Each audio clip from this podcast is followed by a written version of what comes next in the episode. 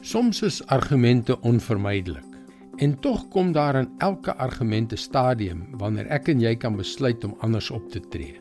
Dis wanneer ons 'n tree terug kan neem en die volgende tree in liefde eerder as in woede kan neem. Hallo, ek is Jockey Gouchee vir Bernie Diamond en welkom weer by Vars. Die ander dag het 'n jong dame aan 'n groep van ons vertel van 'n argument wat sy met haar man gehad het. En weet julle wat die hele saak bevoeter het? Het sy gesê. Dit was net die toon van sy stem. Ons het albei presies dieselfde gesê. Ons doen dit almal. Dis wat ek sou bestempel as 'n vurige ooreenkoms. Ons maak aannames, ons reageer, ons vlieg mekaar in. Maar wat gebeur as ons navolgers van God word? Wat sal gebeur as ons eerder ander mense behandel soos God ons behandel?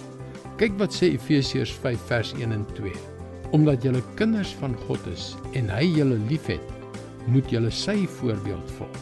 Lewe in liefde soos Christus ons ook liefgehad en om ons ontwil sy lewe as 'n offergawe gegee. Ja, 'n offer wat vir God aanneemlik was.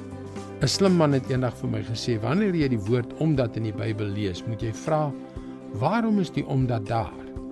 Waarna verwys dit?" In hierdie geval verwys dit na die twee verse onmiddellik voor dit. Efesiërs 4 vers 31 en 32 moet nooit verbitter of opvleend wees of woedend word nie. Moenie vloek of skel nie. Moet niks doen wat sleg is nie. Wees goedgesind en hartlik teenoor mekaar en vergewe mekaar soos God julle ook in Christus vergewe het.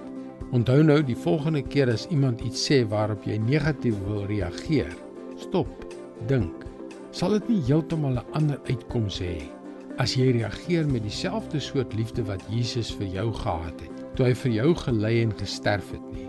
Wat sal gebeur as jy in plaas daarvan om hom in te vlieg, bereid sou wees om die minste te wees? Wees 'n navolger van God. Gee jouself as 'n lewende offer. Ja, 'n offer wat vir God aanneemlik is. Dit is God se woord vars vir jou vandag. God is 'n God van liefde, 'n God wat jou wil seën op maniere wat ons ons nie eens kan voorstel nie. Op maniere wat jou nie net seën nie, maar ook vir die mense rondom jou.